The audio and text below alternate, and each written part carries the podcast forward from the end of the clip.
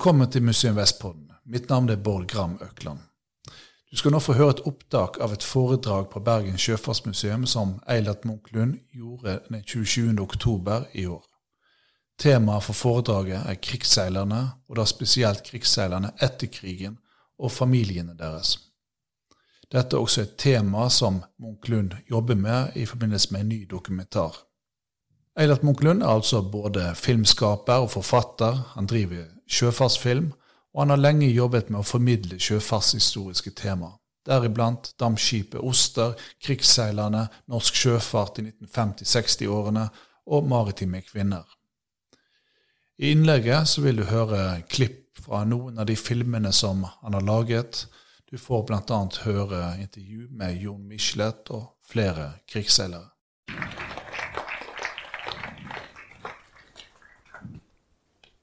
Hjertelig velkommen til eh, alle sammen. Eh, jeg pleier å si det viktigste for meg når jeg lager filmer, at folk ser de, og at de leser bøkene jeg lager. Og når jeg skal kåsere litt om mitt yndlingstema, så, så, er det viktigste at folk kommer. Og I dag hadde vi også det luksusproblemet at en stund trodde vi var for fullt, så det ble planlagt to foredrag og sånt, men det gikk jo Vi ble akkurat passe koronafylt, og det er jo veldig, veldig kjekt. Og tusen takk for at dere er kommet. Og så vil jeg takke Bergens Sjøfartsmuseum. Jeg har hatt et veldig nært forhold til dette museet faktisk i alle fall 60 år. Min far så hadde kontor rett der borte. Han tok meg med her. og Dette er mine veldig gode barndomsminner. Det er fra Bergens Sjøfartsmuseum med lukten av ham på tjære og, og se på disse båtene som gjorde at jeg fikk en lang, livslang interesse for det maritime og vår maritime kulturarv. Så på mange måter eh, har vært neglisjert, og er fremdeles neglisjert eh, gjennom generasjoner, helt opp til i dag. Vi har jo Erling Borgen sin serie, Einar Gerhardsen, hele historien. Norske sjøfolk, krigsseilere, ikke nevnt med ett eneste ord.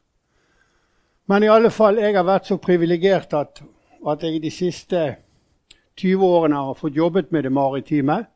Jeg hadde min første premiere her på, på Bergens Sjøfartsmuseum for 20 år siden. og det var om dette dampskipet Oster. Og siden av det tror jeg har hatt åtte premierer. Vært en rekke ganger. Det er alltid veldig koselig å komme her. Og det er veldig eh, givende å samarbeide med Bergens Sjøfartsmuseum når jeg trenger arkivbilder eller informasjon. Jeg føler meg alltid, alltid velkommen, og de har vært en uvurderlig støtte i, i dette prosjektet. Det ble sagt eh, Temaet i dag skulle være Jeg holder jo nå på med en film som heter 'Hjem vi sjøfolk skulle'. Og, og Det er en tittel fra et av Nordahl Grieg sine dikt, om vi heftes underveis. Uh, men temaet er egentlig uh, krigs, om krigsseilerne og deres familier, men selvfølgelig da også barn. Men altså, det er jo familiene her som er viktige for om de til tross for disse traumene skulle klare å fungere i, i samfunnet etter å ha vært ved fronten mange sammenhengende i både tre, fire, fem og seks år. Mange var vekke både i syv og åtte år.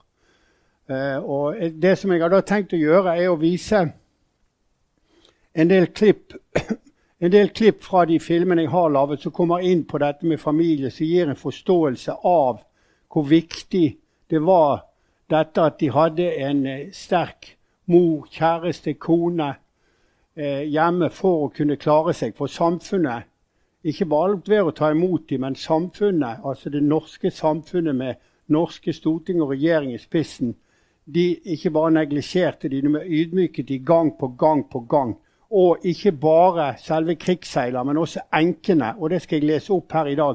Hvordan de de stjal Notraship-pengene, det var greit nok. Men disse enkene, de som da fikk utbetalt erstatning for å miste forsørger og barn, de ble også umyndiggjort av Rikstrygdeverket. Så de måtte søke om få utbetalt sine egne penger etter krigen. Det er en skam som ikke kom opp før egentlig en artikkel i Aftenposten i, i, i 96. Og den dere får se henne her, hun datteren til den krigsseileren eh, eh, som omkom i, i 1941. Han, de fikk også lite Nortraship-penger, for han sluttet å seile, som de sa. Altså han ble torpedert. Det kommer datteren inn på her i et av disse klippene. Men i alle fall, jeg vil starte med å vise et klipp. Og så kommer jeg også til å vise et klipp fra denne filmen som vi snakker om det var hjem vi sjøfolk skulle, hvor jeg var så privilegert å få et intervju med Jon Michelet i 2014, før han gikk bort, og som han eh, forklarer kanskje på en fin måte dette med hvorfor denne eh, spesielle holdningen var Ikke bare politikere, men hele samfunnet på en måte var jo ikke noe positivt innstilt til krigsseilerne. De ville sett som pariakastet. Jeg skal komme tilbake til det etter disse klippene. Men jeg vil starte med Dette er da fra min første film i den serien Vår maritime kulturarv, som kom i 2006. Og da leser Lasse Lintner, som sikkert mange kjenner, han leser et dikt av Nordahl Grieg, et ufullendt dikt egentlig, som heter 'Norske sjøfolk', som jeg syns på en veldig fantastisk og komprimert måte forteller hva disse krigsseilerne Hvordan de hadde hverdagen sin om bord i norske handelsskip. Så får vi se om teknikken fungerer. Jeg har alltid nerver for det, men nå skal vi se. Lik en by av jern på vandring går konvoien over havet. Langsomt flytter seg dens gater i den grå oktoberkveld. Inntil nattens ville mørke brusende begraver byen og hvert skip blir til en ensom, hudløs verden for seg selv. Et steds forut skal en slagmark blodig veltes opp fra dypet. De kan bare vente på den fra sin våpenløse vakt. De som står mot styrehusets nakne, fengselsgrå betongmur, eller jobber innestengte i maskinens dype sjakt hvor det kjente føltes spinkelt rundt om bordet i lugaren. Skottets bilder. Lampelyset er til låns en stakket stund. En av frivaktene har bikkjen stukket inn i redningsdrakten. Alt det liv han ville verge, lever hos ham i en hund.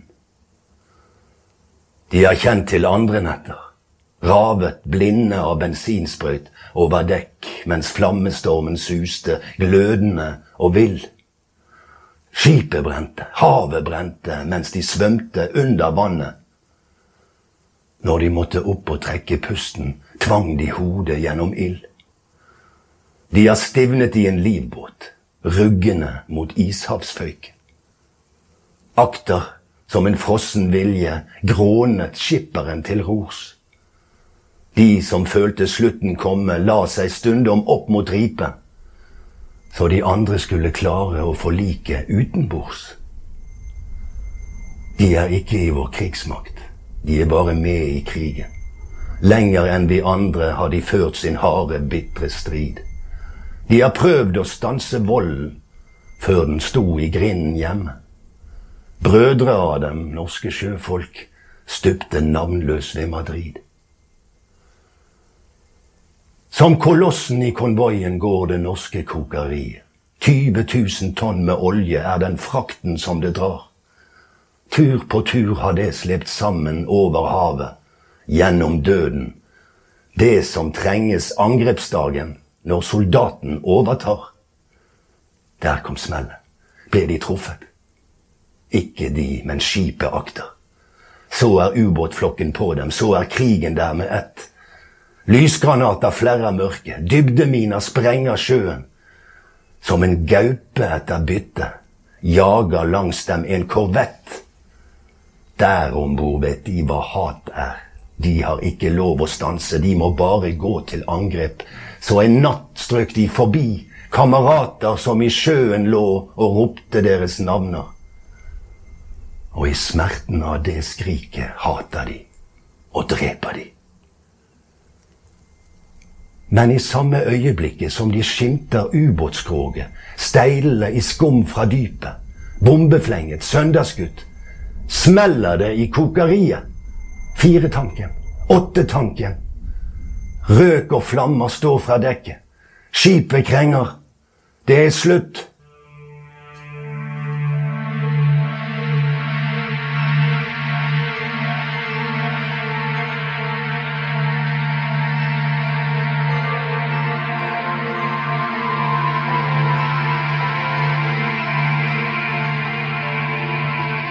Alt er svart.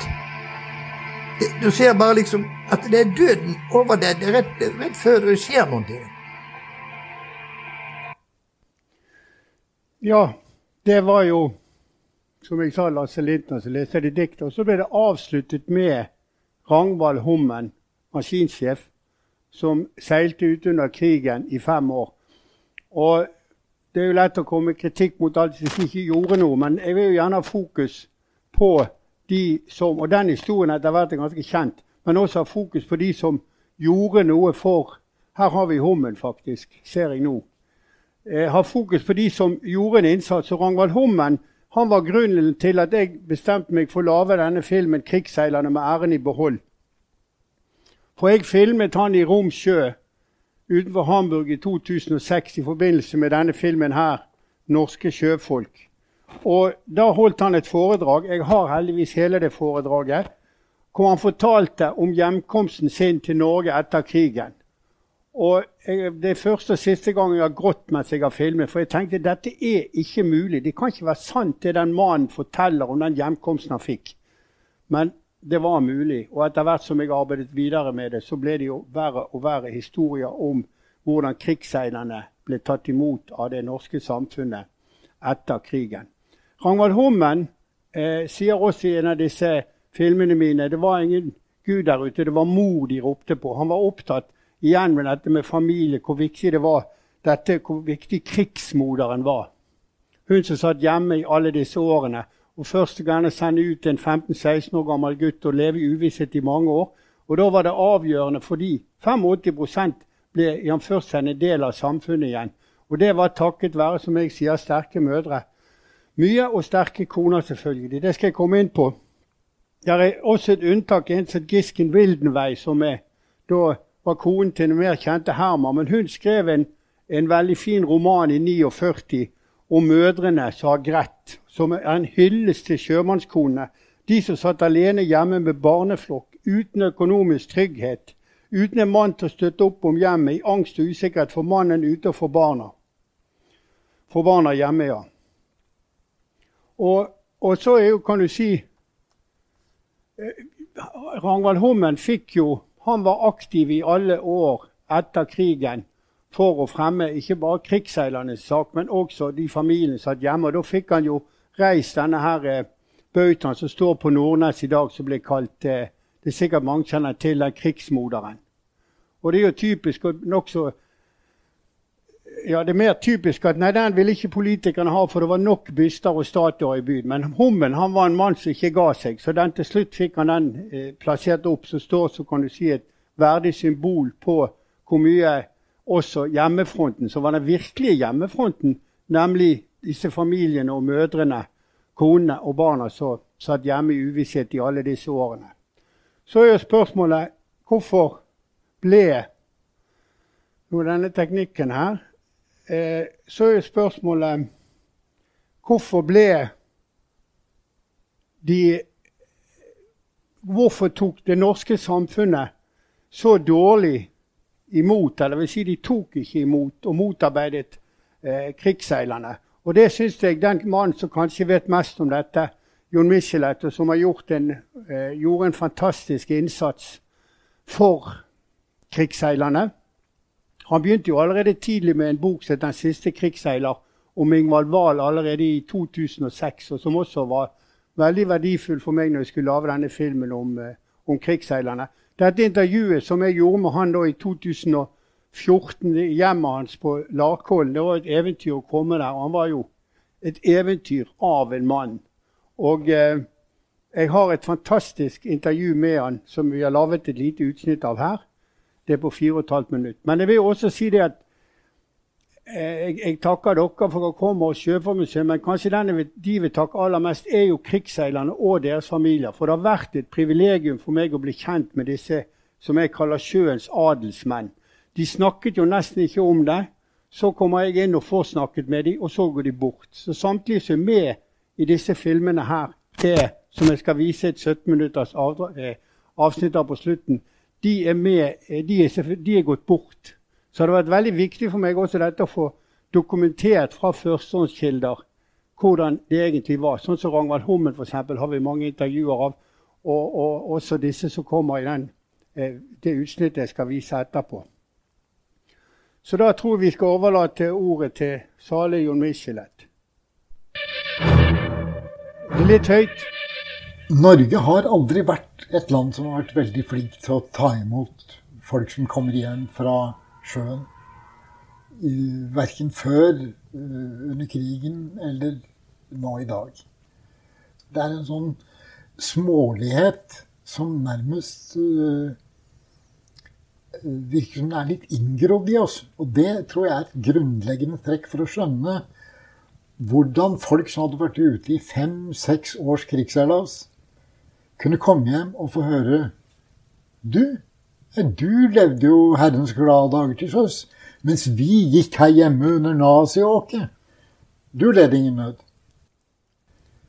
I det Norge som steg fram etter krigen, så var det hjemmefronten som skulle ha makta. Det var hjemmefrontens folk som skulle ta over. Det var uh, Jens Christian Hauge, den sterke mann i kulissene. Det var Milorg-folka. Siden sjøfolka var en del av utefronten, så skulle ikke de hylles på samme måte som Milorg og noen uh, få sabotasjefolk og Max Manus og sånn. Altså, Hansflåtens innsats er Max Manus ganger 30 000 mann. Uh, men det skulle man ikke hylle ordentlig. Og derfor ble det jo ikke gjort. Det aller groveste var Nortraships hemmelige fond. De 45 millionene som sto på fondets konto i 45, det var mye penger den gangen. Og så begynner sjøfolk å tenke ja, men dette er jo våre penger, når det begynner å bli kjent hva det er, og og de organiserer seg. 11 000 folk i Krigsseilforbundet tenker Nortraship-fondet, det er våre penger. Ingen annen yrkesgruppe ville finne seg i å bli fratatt sin lønn. Og få den putta inn i et fond de ikke selv er med på å bestemme over. Og så opplever de at de får jo ikke det. Og saka kommer til behandling i Stortinget i 1948. og Krigsseilerne lider et voldsomt nederlag. Som ble faktisk døden for en del folk. Den holdninga, den derre formynderholdninga, den nedlatende uh, stortingsflertallet, Arbeiderpartiregjeringa, vi bestemmer, dere får ikke råde over pengene, den knakk mange. Og likevel greide de holde Krigsseilerforbundet i gang med et mål for øye å få saken opp for Høyesterett. Og det ble jo trenert i det uendelige. Så det tok jo seks år fra Stortingets behandling til saka kom opp i Høyesterett. Og da var krigsseilerne sikre på at nå vinner de. Og så avsier Høyesterett en sånn dom. Ja, krigsherren kunne ha fått pengene, men eh, regjeringen har egentlig ikke gjort noe gærent. Altså sånn Og det knakk Krigsseilforbundet. Da gikk det i oppløsning. Ble ikke reorganisert før mange år seinere. Eh, og det, den dommen var også for de som hadde holdt ut så lenge, et slag midt i trynet. Det, det det norske samfunnet gjorde da Stortingets flertall, Arbeiderpartiets regjering, Høyesterett Altså, faen ta det. Rett og slett.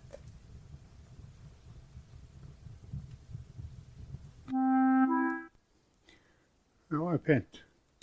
Uh, ja, han er, også her er jo han inne på, på kjernen med denne bitterheten. Og du kan si Hvem var det disse som dro til sjøs i, før krigen. Og Det var en bråket forsamling alt fra overklassegutter det skulle banke svett i, til barnehjemsbarn, og det var mye arbeidsledighet. De dro ut for å tjene til det daglige brød. De var i utgangspunktet ikke krigere. Så kommer krigen, og vi kjenner alle sammen den innsatsen. Og det var jo det lengste og viktigste slaget for de allierte seier, nemlig slaget om Atlanterhavet, var helt avgjørende. Og det sier jo også både Churchill, Roosevelt og sir Philip Noel Baker. Det kom et lite klipp med han etterpå. Og de kom jo ikke hjem i samlet flokk. De kom i stykkevis og delt. på si En og en om gangen. Det kom en masse med Stavangerfjord i 46 bl.a. Der var vel den største kontingenten av krigsseilerne. Så er jo det eh, de som kom hjem. Det aller verste tilfellet var jo de som mødrene som da satt hjemme, og så hadde mannen fått seg en ny ektemann.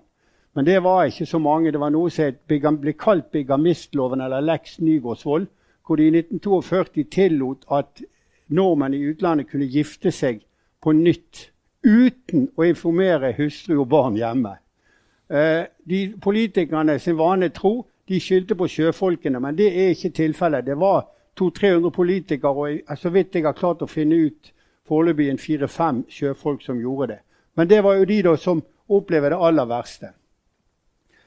Alle, absolutt alle var jo selvfølgelig merket fysisk og psykisk og på sjelen av disse fem årene ved fronten. Og ca. 15% de klarte ikke å fungere i det hele tatt. De eh, drakk, frøs eller eh, gjorde selvmord. Det var mange som også gjorde selvmord faktisk under selve krigen. Og dermed mistet man en forsørger. Men, men, men det var også disse som overhodet ikke klarte seg. Som mange frøs i hjel. Det får vi høre om siden her på Aker Brygge. Eh, en hel rekke av de også endte på noe som heter Oppstad tvangsarbeidsleir. Det var jo løsgjengerloven de kunne bli tatt etter, som ble etablert i 1900 og ble satt, satt opp først, eller eh, ble eh, satt altså sagt opp eller avsluttet i 1970.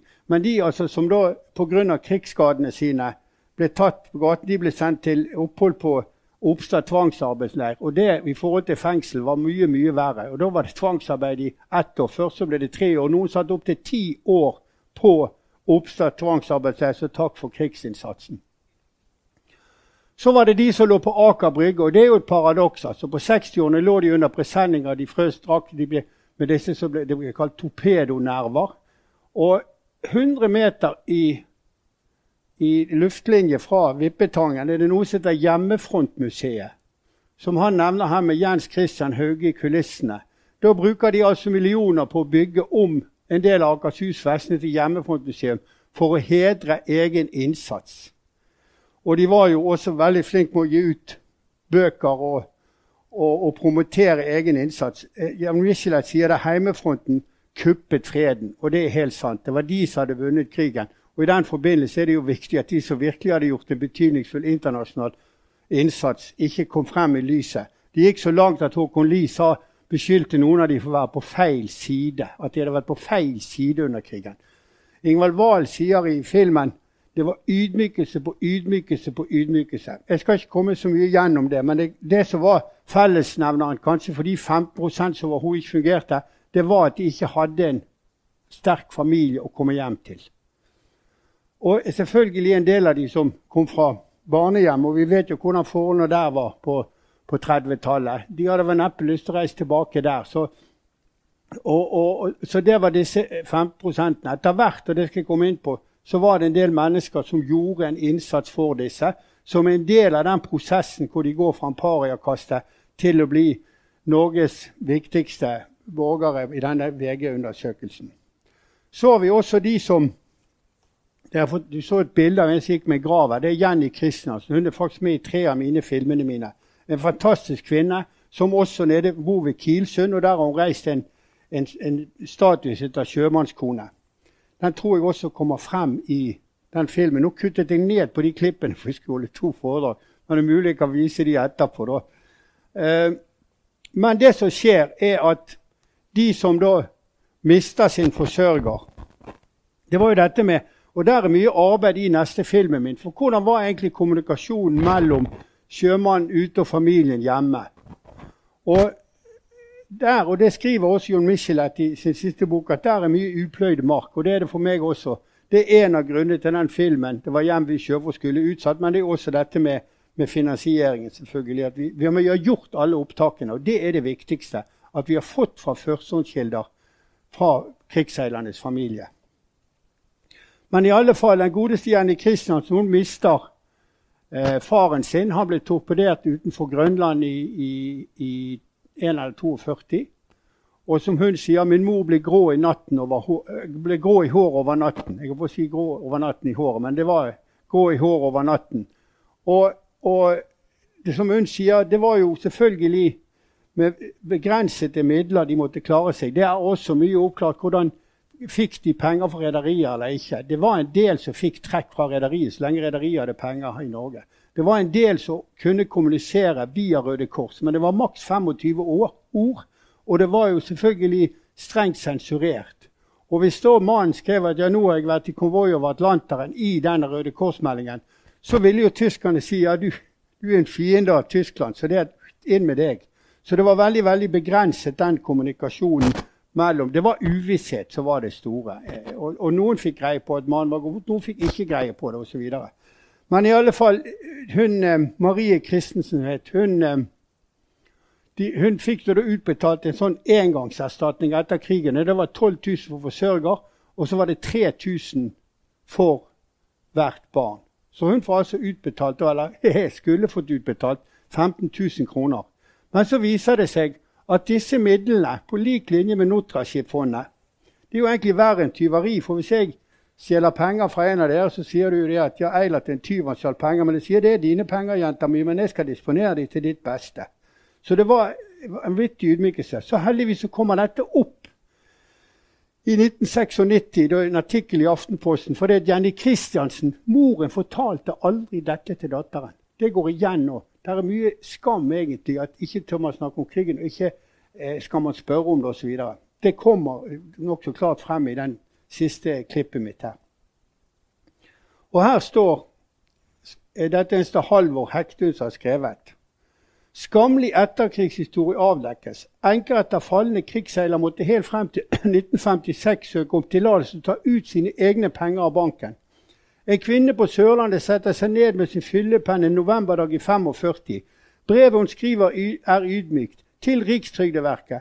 På min konto i Tverdals sparebank er innsatt kroner 8571.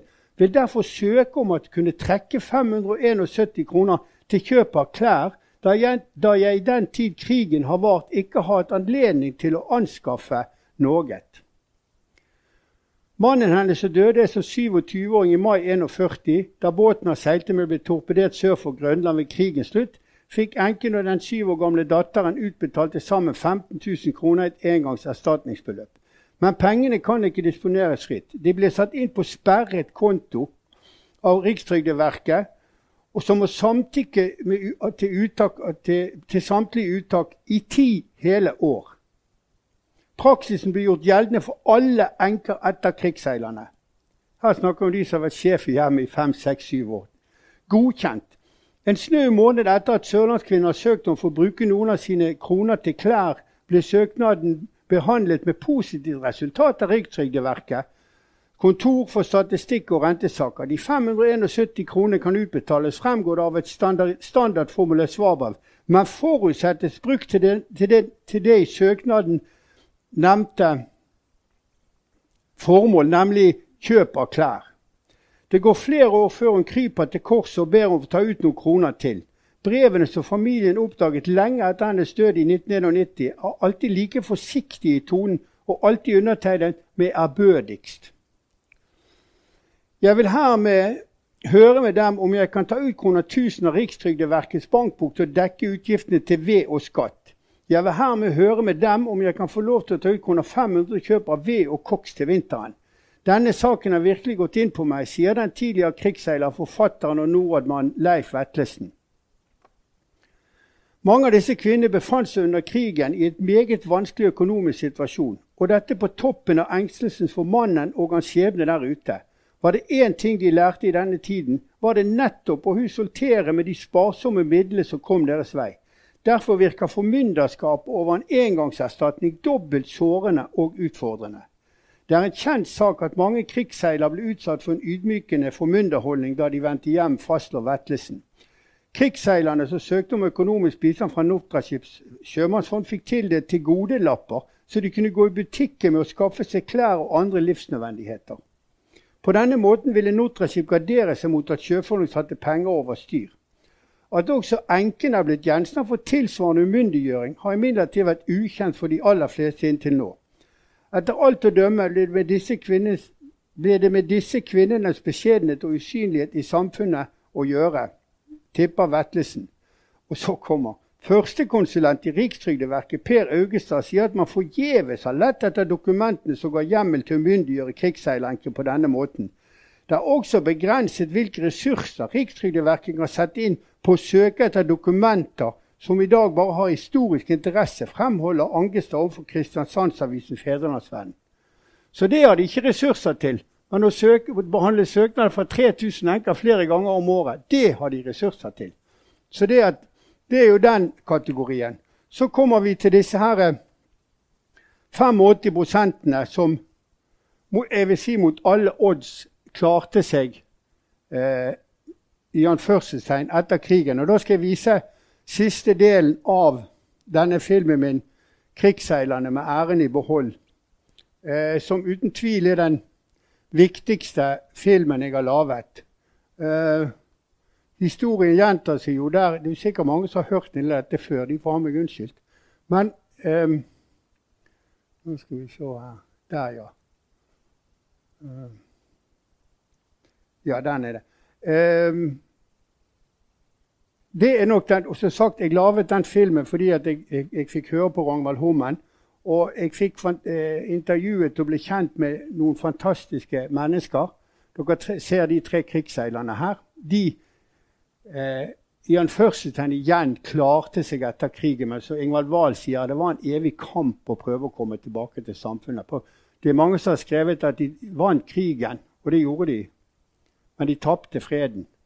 Og det, det, det syns jeg er helt uh, riktig. Det var en um, evig kamp for å, å, overleve. Og fra myndighetenes og egentlig, Det sier jo også Jo Michelet. Det var en kollektiv skyld. Det var ikke bare politikere og myndigheter og Rikstrygdeverk. Det var jo også eh, det norske samfunnet, og det kommer jeg tilbake til, som så på disse som Ja, det var fylliker og boms. Det var krigsseilerne.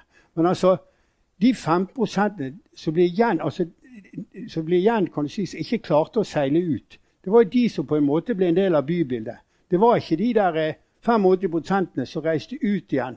Og, og, og, og, du kan si de 85 som reiste ut igjen, eh, det var jo på en måte de som dannet ikke på en måte, men de dannet grunnlaget for det velferdssamfunnet vi har i dag. Først og fremst fordi Norge var helt gjeldfri etter krigen. Vi satt med positiv fordelsbalanse overfor utlandet.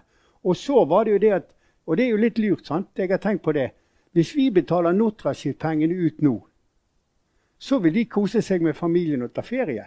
De vil ikke reise ut for å tjene inn penger til det daglige brød. Så det gjorde at mange måtte reise ut. De må jo ha vært rimelig slitne etter fem-seks år. Så det var en av grunnene til at de stjal pengene fra norske sjøfolk. De aller, aller fleste reiste ut igjen. Og det som skjer med mange av de er jo det at de etter en del år ute på forskjellige ting, så får de nervesammen, nervesammenbrudd og, og, og, opplever dette som i dag er kjent som posttraumatisk stressymptom. Som ikke var kjent den gangen.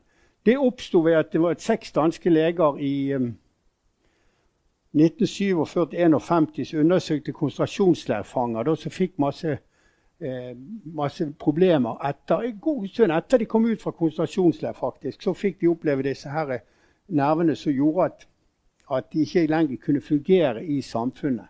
Det må jo ha vært helt ufattelig. Dagen etter denne filmen der ble jo vist på NRK, og det faktisk 700 000 seere. Og det var før Michelets romanserie. Så var det en venn av meg, eh, Pål Eckbo, det er sikkert det som kjenner han. Han kjente jeg godt, for han syntes jeg var gift med min mor, så vi snakket jo mye sammen. Han ringte meg opp etter denne filmen dagen etter jeg vært sendt på NRK første gang og sa Eilertsen, jeg må få takke deg. For min far seilte i Murmansk-konvoien. Og en eller to ganger i uken så sto han opp og banket oss opp, meg og min bror. Det var noe han måtte leve med, men ikke ville fortalt. Så det går mye igjen med krigsseilernes barn som For det første sa krigsseilerne selvfølgelig lite, for de var så traumatiserte etter krigen. Og for det andre så, så var det nok eh, også kan du si, en del skam med en, eh, med en far som som satt hjemme og pleiet eller drakk for å roe ned nervene. Så, og, og, jeg har også snakket med mange folk som ikke var klar over at faren var Og det sier litt kanskje med de skamgreiene. At ikke var klar over at, at, at uh, faren var krigsseiler før langt ut på 60-tallet. Så dette med det der posttraumatiske stressymptomet I 1968 så var det ca. 300 krigsseilere, altså av ca. 25 000-30 000 som hadde fått orden på krigspensjonen sin. Det var jo helt vanvittig. Men der kommer heldigvis en, en, en, god historie som jeg skal fortelle etterpå, med de menneskene som, som virkelig har gjort, uh, gjort en, en, innsats, en helt fantastisk innsats. En ufattelig innsats for krigsseilernes familie. Men da skal jeg vise jeg tror det er 17 minutter av denne filmen med krigsseiler med æren i behold. Historien gjentok seg. Hans Majestet kom på premieren, mens politikerne glimret med sitt fravær. Så um, da bare Det very often to be said in our ministry that without the Norwegian merchant fleet, Britain and the Allies would have lost the war. The first for Hitler was the Battle of Britain. It was a turning point in history. If we had not had the Norwegian tankers on our side, we should not have had the aviation spirit to put our Spitfires and our Hurricanes into the sky. The Germans could have invaded Britain, and there might have been no base from which the Nazis could have been defeated. The Norwegian Merchant Navy rendered immense service to the world at that time. Norge var prioritert på mange måter. Eh, norske sjøfolk har vel sett hvor i verden vi kom. Det var eh, åpne armer og en mottakelse du skal lete etter. Det, det har vi enda i Liverpool. Jeg merker det nå enda. Du hørte at det var konvoiseiler, og det sto på Beatles-museet så Jeg fikk fri inngang der av han eh, som sto for det der. Si at jeg var både eldre mann og så hadde vært i konvoien. De glemmer aldri. De har fortalt det til sine barn og barnebarn om de norske båt. Husk på at 40% av alt olje og, og drivstoff som kom til England, kom på norske tankskip over store perioder. Det er noe å være stolt av et lite land på 4-5 millioner. Det er veldig ingen annen nasjon som kan vise til det. Gunnar Knutsen, Ingvald Wahl, Helge Solvang, Ivar Loran Christiansen og deres 38 000 skipskameraters innsats var Norges viktigste bidrag til denne seieren.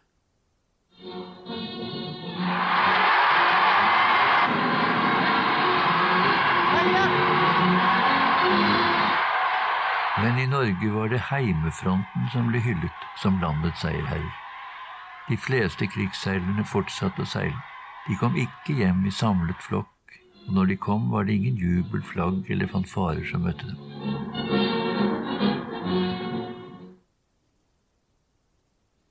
De kom hjem i stillhet og ble mottatt i stillhet av sine.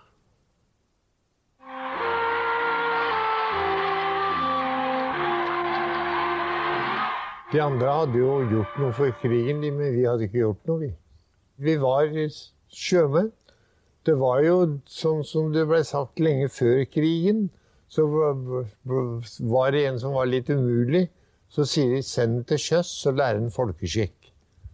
Det var ordtak som også gikk under både krigen og etter krigen. Så vi var rett og slett eh, så langt nede på rangsiden som noen kunne komme. Oslo, på Aker Brygge, der kom i Stavangerfjord over Atlanten og hadde, ferdig, hadde ikke hus der. De lå under presenninga på Aker Brygge. Tromsø så var en typisk norsk kystfartsby. Der kom vi inn. Det var ca. 100 krigsveteraner av handelsflåtens folk der.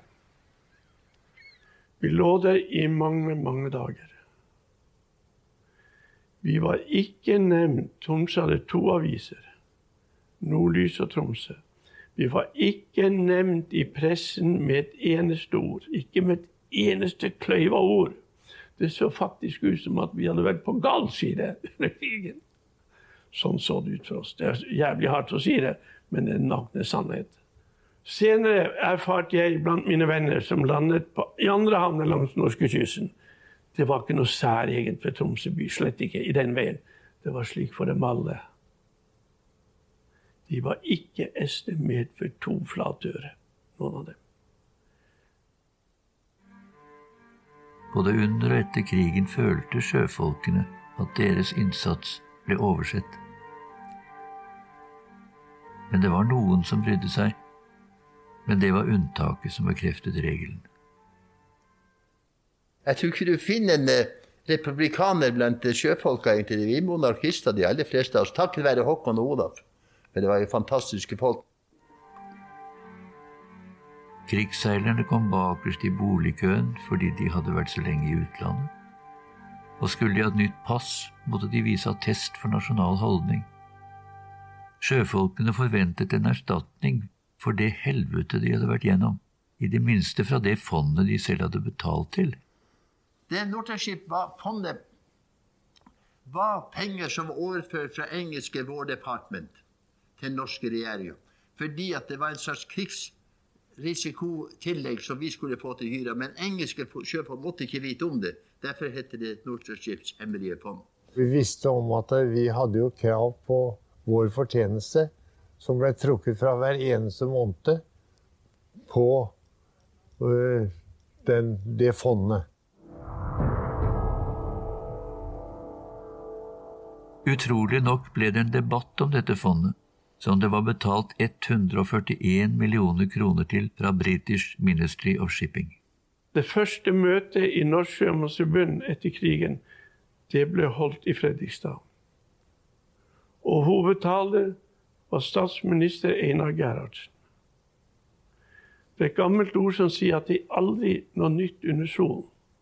Så Nortrashipsfondet var heller ikke noe nytt. De hadde noe lignende under første verdenskrig, de som seilte da. De hadde også en del sparepenger de skulle få utbetalt, og det gikk under betegnelsen av Kølafondet. Den ble også Stortinget tok av. Det ble også da et fond av de pengene. Men det Einar Gerhardsen sa som hovedtaler, og han sa det da med tanke på Køllafondet, sa det under det første møtet i Sjømannsforbundet at denne gangen skal ikke sjøfolkene bli glemt. Men se, det ble det. Og siden sa han aldri noe mer om Nordreisespengene. Sjømannsforbundet var da LOs største forbund, og dets formann Ingvald Haugen logret som en lydig puddel for Einar Gerhardsen og hans menn. Som en Judas gikk han på Stortingets talerstol. Ingvar Haugen, som var vår forbundsformann både i New York i krigen, og vi lønna, han var da valgt inn for Arbeiderpartiet på Stortinget. Og gikk opp på talerstolen og fraråda Stortinget å utbetale pengene til sjøfolka. Altså de folka han skulle tale saka til, for svikta han totalt. Da gikk krigsseilerne med Leif Vetlesen i spissen til rettssak mot staten i 1948. De tapte først i byretten, Dommen ble da anket til Høyesterett, hvor de tapte igjen i 1951. Med de beste advokater hadde altså staten legitimert sitt parlamentarisk tyveri fra sjøfolkene. Det var bittert, for de norske sjøfolkene satt og på pengene på det resultatet der. Den ene bitterheten oppå den andre. Det var Nortrashipspengene.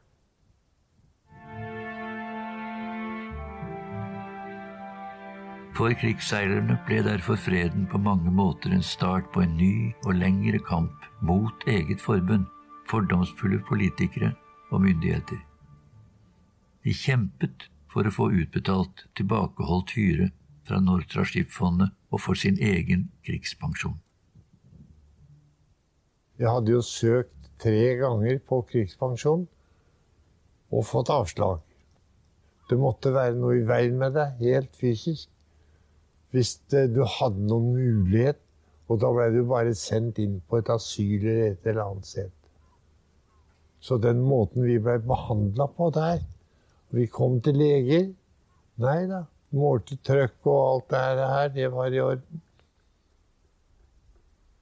I 1968 var det bare noen hundre av 22 000 krigsseilere som hadde fått orden på sin krigspensjon, og for krigsenkene tok det like lang tid.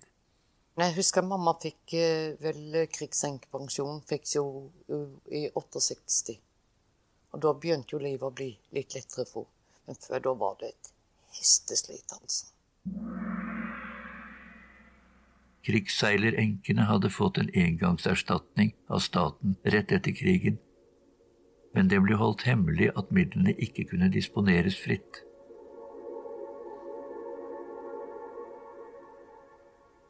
Da viste det at de hadde satt krigsseilerenkene under formynderskap. De kunne ikke ta ut penger uten at de For de var redd de skulle sløse dem bort. Og jeg hadde skrevet opp det der hun skrev om B, betaling av skatt, som hun skrev til. Måtte skrive inn til Riksutvalget for å få ut pengene. Det er skammelig. Det er skammelig. Og jeg tenker på en ting. Hadde pappa visst Hadde han visst Jeg tror de hadde vendt seg i graven der ute, alle sammen, åssen de ble behandla. Jeg skrev til Rikstrygdeverket den gangen. og ville ha en unnskyldning. Men den har jeg aldri fått.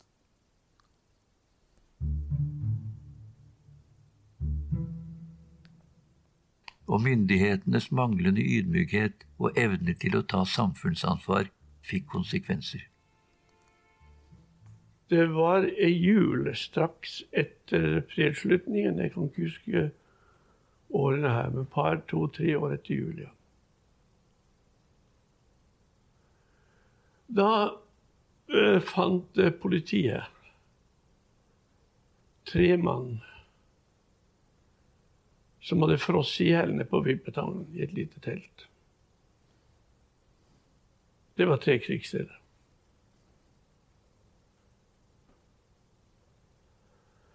Jeg kjente den ene veldig godt av dem. Og, og jeg kjente hans innsats òg.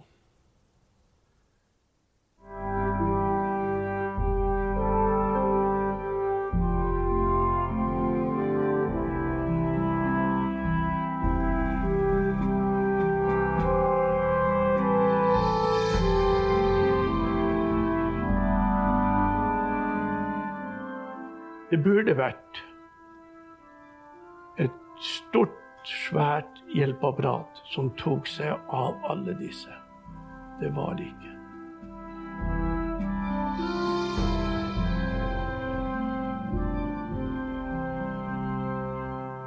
Jeg har jo vært i selvmordstanker et par ganger. Og eh, for det kom mange av disse det om natta, f.eks.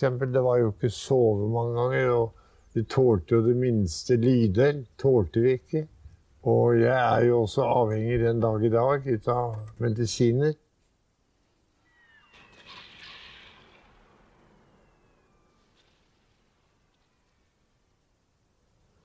Det å komme tilbake til et normalt liv, det, det var en forferdelig kamp. En forferdelig kamp. Ingen eh, Jeg syns sjøl at jeg hadde vært flink. Ingen forsto min elendighet. Men én, eneste en, gjennomskuet meg, og det var min egen mor. Nei, Ingvald Saune. Krigen ødela det helt og totalt.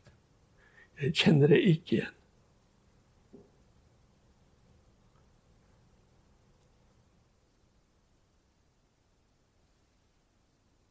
I 1967 kom Per Hanssons bok om krigsseilerne, Hver tiende mann måtte dø. Og det ble opptakten til en ny opinion og dannelsen av Norges krigsseilerforbund. Dets første formann, kontreadmiral Thor Horve, startet da en aksjon for krigsseilernes rettigheter. Nortraship-utvalget ble dannet av Borten-regjeringen i 1972 Innstillingen fra dette utvalget ble behandlet av Stortinget i 1972, og konklusjonen var klar. Det er første gangen i historien at en høyesterettsdom er blitt oppheva av et storting i Norge. Det har ikke hendt verken før eller siden. Det vakte oppsikt. Men de kalte det for ex gracia. Det ble da beslutta av regjeringa å utbetale 200 kroner per utseilt måned, minus 20 kroner i skatt. De måtte trekke skatter også, de uslingene. Det store vel. For skam. Men de de pengene vi hadde kjøpt krigsobligasjoner for, det fikk vi ikke rente for. Ikke et øre. Det to, det tok regjeringa. Spurte oss ikke engang. De bare tok renten. Men de fikk det og hyra uten at de hadde spurt oss om det heller. Jo da, min mor hadde fått Nattraskipspengene. Fikk du betalt så og så mye? Jeg kan ikke huske om det var en liten sum. Vet du hvilket svar jeg fikk? For din far slutta å seile i 41. Da trodde jeg skulle ha gått i bakken, altså. Han slutta å seile 21. mai 1941. Han ga livet sitt.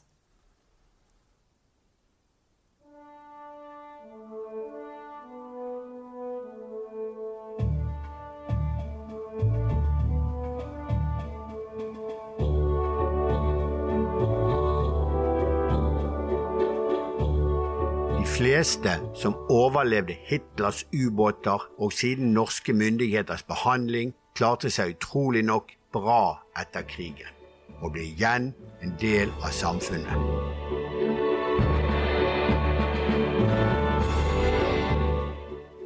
Krigsseilerne har sin ære i behold, og deres innsats for den frie verden vil leve til evig tid.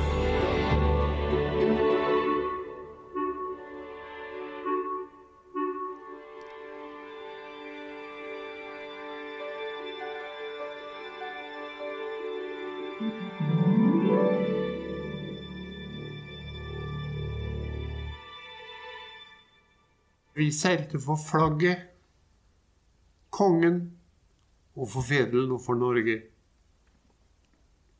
Det kan jeg huske. Vi seilte ikke for noe annet. Vi seilte for flagget og for landet. Takk.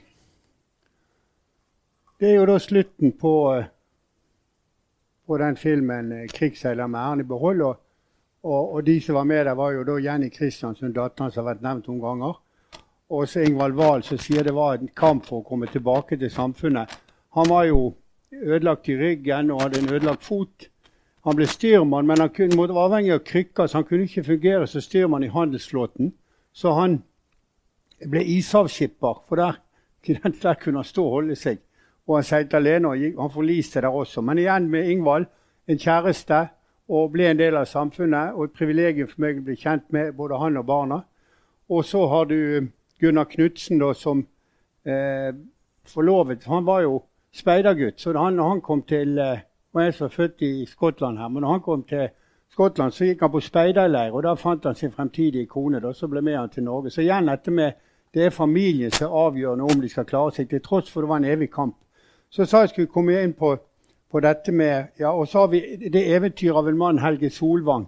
Han ble jo Norges eldste kommunepolitiker. 100, 100 år gammel, var valgt inn i kommunestyret i Balsfjord. Et eventyr av en fyr. De var helt fantastiske, disse menneskene som jeg fikk den æren av å bli kjent med, og ikke minst få dokumentert dette. Jeg kan si at ja, de frøs i hjel på Aker Brygge, men når Ingvald Wahl forteller jeg kjente den ene av de godt og hans krigsinnsats, så blir det sterkere, og det blir bevart. Så, men det var en som het Leif Heimstad. Og på mange måter så er det der historien begynner med disse som, som gjør en innsats for, for krigsseilerne. Han eh, dro ut da i, i 39 og, og, skulle være ute en kort tid, men ble da ute i seks år. Men han hadde truffet en jente som het Else Heimstad, eller da het Else noe annet fra Horten, før han dro ut. Så hun forteller Det er skrevet en god bok som heter krigsseilerne og deres familier som forteller denne historien. Og, og hun som har skrevet boken, også med nå, lager denne filmen, Kristine Stoli Henningsen. Men i alle fall, eh, hun lever i uvisshet i fem år. Hun får en, eh, en god venn under krigen, men det var liksom ikke det samme som med Leif. Så når hun fikk høre av søsteren til Leif at han var kommet hjem med Stavangerfjord i 1946, så er hun for å møte han. Og der kommer et vrak av en mann på litt over 40 kg. Men som sier, jeg kjente jo det fremdeles sitret i kroppen min når jeg så Leif, så jeg fant ut det var han jeg ville ha. Så de gifter seg i 1947. Da begynner eventyret eller marerittet, kan du velge. For Under selve bryllupet så kommer det en krigsseiler og banker på på festen og sier ja, jeg har hørt Heimstad skal gifte seg, så jeg vil gjerne, jeg vil gjerne bli med deg. Han hadde ikke noe sted å bo, så da, da ble han med dem hjem på bryllupsnatt og lå på sofaen og lurte på hva det var til frokost dagen etter. Og Så begynner den kampen for Leif Heimstad å bli en del av samfunnet igjen. Han har, han har jo dette med disse utrolig, altså disse, Det er helt ufattelig, altså dette eh, posttraumatisk stressymptomet. Det, og det, det, er jo forståelig på en måte med det de gjennomgikk. Sant? Det var opp om natten, problemer med å sove, det var alkohol, det var et voldsomt sinne. Dette led jo også Leif av, men han var så opptatt at han ville bli Den var jo et annet kjønnsrollemønster den gangen. Sant? Altså, 40- og 50-tallet. Han, liksom, han måtte forsørge familien og prøve det ene og det andre. og Kjøper en gammel varevogn og begynner å levere fisk. Det likte han ikke. Men i alle fall så, så utdanner han seg som elektriker, og så ender han nede i Grytviken på den hvalfangerstasjonen som sjefselektriker. Det ble solgt til japanerne. Til slutt ender han alene der med japanerne. Og i 1959 da, så får han et eh, totalt nervøst sammenbrudd og blir sendt hjem. Og da er han heldig å treffe en psykiater som har begynt å få forståelsen av dette med posttraumatisk stressymptom, og han får delvis krigspensjon. Og, eh, og da får han jo litt mer tid, så han begynner å gå ned på kaien i Horten. Der treffer han andre krigsseilere som ikke har sted å bo. Og inviterer de hjem. Og også en dag så, Jeg vet ikke om noen kjenner Krogen i Oslo, men det er jo en rimelig brun kafé for uteliggere og sånt. Og der treffer han en tidligere kommandørkaptein, så han ringer hjem til Else og sier det at eh, han sier det til, eh, til eh, Else at ja, du må gjøre klart badekaret, for nå skal vi, jeg kommer hjem med en krigsseiler. Da hadde de i mellomtiden fått bygget et hus i Horten med fire-fem soverom. De hadde fått fire barn. Igjen dette blitt en del av samfunnet. Og hun Else Heimstad, som et fantastisk intervju med seg bort for noen år siden, hun hadde i mellomtiden utdannet seg og dette var altså på 50-tallet, utdannet seg som sveiser og jobbet som sveiser samtidig som hun oppdro en hel familie med fire barn. De fikk fem barn, men én døde veldig tidlig, tre måneder, for det var en lege som ga feil sprøyte, og én fikk dessverre kreft.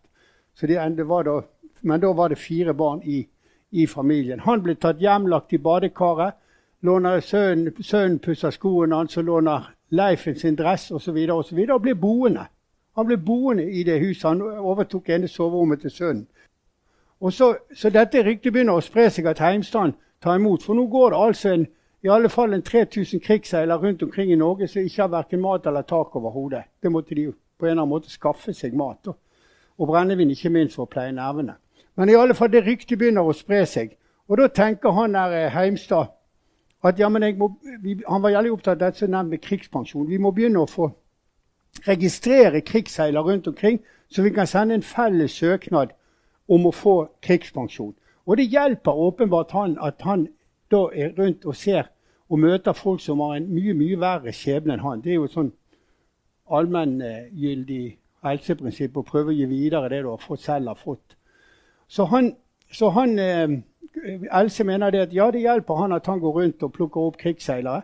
Og etter hvert så begynner de å kjøre rundt omkring. De ser I Vestfold er det jo masse krigsseilere. Det var ved den fylket som hadde flest krigsherrer. Men de ser det at, at de, de, de, de, begynner også å kjøre rundt og plukker altså opp krigsseilere, får de hjem opp i badekaret. Og et, etter hvert så er det jo ganske fullt i det der Heimstad-hjemmet. Så ingen av barna hadde da sine egne soverom. Der lå krigsseilere. Og hvis det var en som hadde slet med torpedonerver, så måtte han ligge i stuen, for han kunne ikke tåle en åpen dør.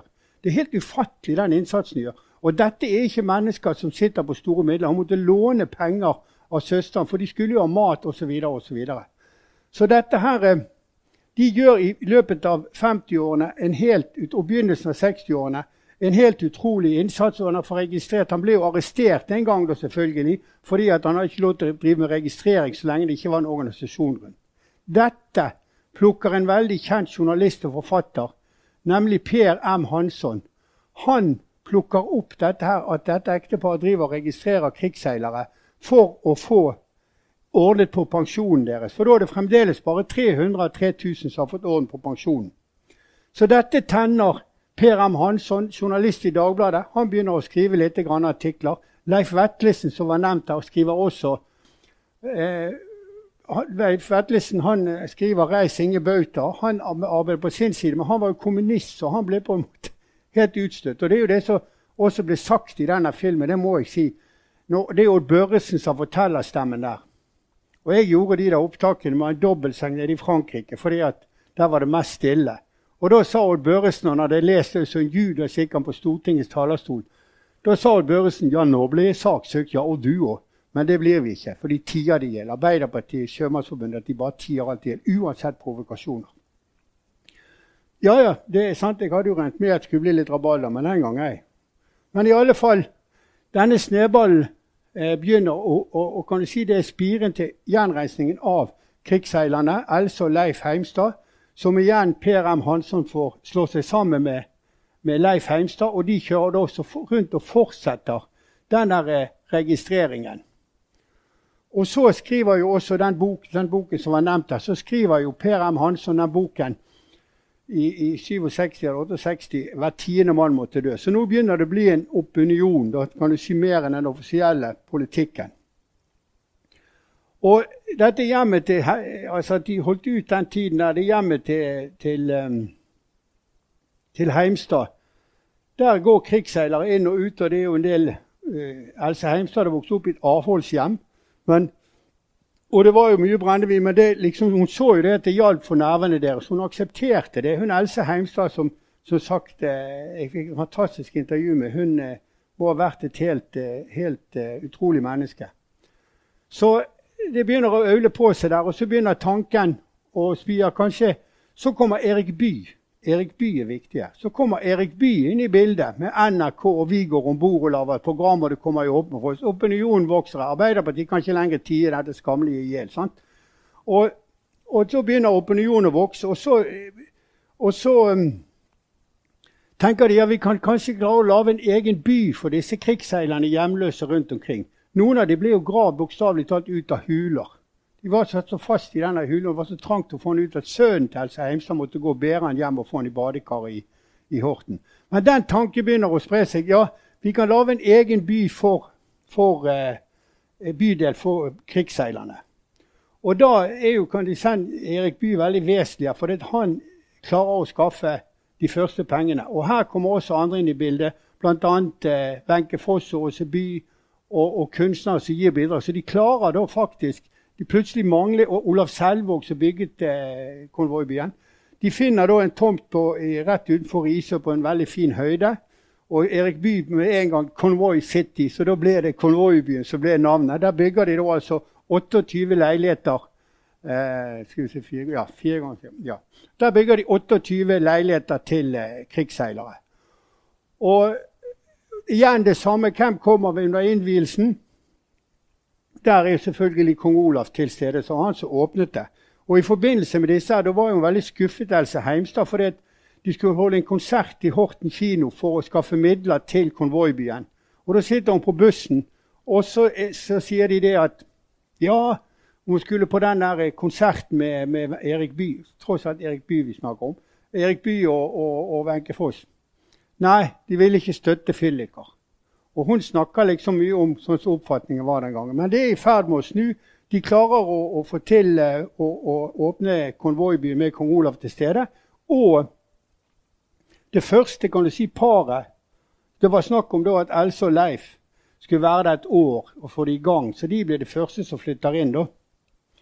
Og, og um, etter hvert så, så, blir jo de 28 leilighetene fylt opp med mennesker som har det veldig, veldig, veldig vanskelig. En av de, den første, Jeg har heldigvis fått intervjuet de to første familiene som flytter inn.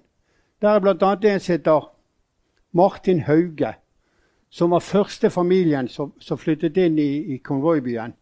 Og de sant, eh, bodde i en, eh, en, en, en leilighet som en sokkelleilighet uten vann eller noe som helst sånn oppi, på nåde oppe i Ålesund. For faren ble jo, hadde traumer og problemer, så han kom i stadig vanskeligheter. De ble kastet ut fra det ene stedet etter det andre. Så de får flytte inn som nummer én der. Og da beskriver altså Martin Hauge hvordan det var å komme der til Riise og konvoibyen. Det var renne, ikke bare renne vann i leiligheten, men det var varmt vann. Og det var badekar, og det var eget kjøkken. Jeg hadde aldri opplevd noe sånt før, sa han. Så han og søsteren de var jo opp der, badekar og greier. Det var jo sånn som de hadde sett på Hollywood-filmer. Så de gikk til kjøpmannen og sa de måtte få sånne bobler. Ja, Zalo var best til det, sa han. Så de, gikk, så de går igjen og Zalo i badevannet og hei og hå. Og så, og så var de jo blitt Hollywood-stjerner. Og igjen det som er viktig her med disse kan du si, krigsenglenes barn, sånn, så de har jo opplevd enormt mye som på mange måter har vært skjult. Men de fleste av de igjen alle sant, blir gode samfunnsborgere til tross for myndighetenes manglende oppfølging. Martin Hauge kommer ut når han bodde på Riise hotell, ser et svært flott hus. Og Han hadde sett så flott hus i hele sitt liv. Lang historie kort. Han ble sånn eh, internasjonal finansmann, bl.a. gründer for denne Uber-drosjesakene. Og det huset eier han i dag og regner han som sin hjemby og sin hjemstad. Men som han sier helt klart i intervjuet, hadde det ikke vært for den vi fikk flytte til konvoibyen, så hadde hele familien gått til grunne, antageligvis. Det er det han som sier. Og det samme sant, som Ingvald Wahl Jeg må kommentere det når han sier det at ja, min mor sa du er totalt ødelagt som menneske. Det klarerte jeg med han på forhånd. Det er greit at jeg viser det, for det er jo så råsterkt. Altså, din mor sier du er helt ødelagt som menneske. Men i alle fall, det er første familie som flytter inn der. Og andre familien som flytter inn, er en som heter Pedersen. Hun har vi også fått intervjuet. 93 år. Vi intervjuet sønnen hennes. Igjen det samme. Bodde i en eh, hva skal du kalle det, sånn kolonihagehytte oppe med, i Lier. Og, og, um, og, og, helt ubeskrivelige opplevelser med mannen og hans mareritt. Og, det som var viktig, var å passe på at liksom ikke politiet kom og sånne ting. For det, det skulle skjules, dette her. Han hadde sagt ja, han er en helt. Så han har sine vanskeligheter. Men her var det rar fyllik. Han er en raring som bor der oppe. Det går igjen liksom at, at skal holdes ut. Men iallfall det er andre familien som, som flytter inn der. da. Og hele tiden så er jo Else Heimstad sentral i dette. De ble ikke i eh, konvoibyen ett år, men de ble der resten av livet. Leif gikk jo da bort. Og så ble de, ble de boende til Else Heimstad og jeg intervjuet henne, var 93 år gammel og var fremdeles bestyrer i konvoibyen. Da var det jo ikke så mange krigsseilere igjen. Men, eh, men, eh, og Else og Leif Heimstad er det, så vidt jeg vet, og ingen har motbevist det, er det eneste ekteparet i Norge som begge har fått St. Olaf-medalje for samfunnsnyttig innsats. Og det spesielt når det gjelder altså, altså Else Heimstad og en rekke andre mødre hva innsats de har gjort, er helt, eh, for meg helt ufattelig. Jeg leser spesielt om Else Heimstad, men også hun Solveig Pedersen, som oppdrar barna, holder fasade ut av de gjerne vasket om natten. altså de, de, holdt familien gående. Og, og uh, Else Heimstad ble også kalt krigsseilernes mor der nede i, um, nede i konvoibyen. Så det er det jeg liksom arbeider med nå, da. Og så får jeg satt den der uh, filmen um, eh, sammen. Alle opptakene har vi heldigvis gjort. Vi begynte jo på filmen i, i, i 2014. Og igjen det samme for meg å bli kjent med disse her fantastiske mødrene, ikke med barna, er jo et privilegium. Spesielt mødrene, for de er jo i ferd med å gå bort, selvfølgelig. Og vi har jo ingen som vi har fått intervjuet av en krigsmor under krigen. Det var jo 25% av de som var i Hansford, var under 18 år. Det har vi heller ikke fått intervju med. Derfor er det så veldig kjekt at sånn som Ragnvald Hommen har fått hedret eh, krigsmoderen. Sant? Og så han Misje, som også har gjort det, han laget jo den serien 'Evigheter skal de ha', som gikk på NRK. Også eh, veldig, og veldig god tittel 'Evigheter skal de ha'. Også min film heter 'Krigsseiler med æren i behold'. For det er det dessverre ikke alle som har i det dramaet. Men jeg må jo si at siden jeg begynte med dette for 20 år siden, så har det jo vært for meg en eh, Og jeg så det i foredraget med Ragnvald Hummen, så har det jo vært en eventyrlig reise egentlig, og så for det første bli kjent med disse menneskene. Men også dette å se den kan du si, omveltningen som har vært i samfunnet til etter hvert krigsseilerne får den respekten de fortjener, og familiene og barna også får det. Spesielt selvfølgelig mødrene som står i en uh, særstilling. Jeg håper også å få et kapittel i neste boken min med en uh, krigsseilerkone for å få et nærmere portrett her.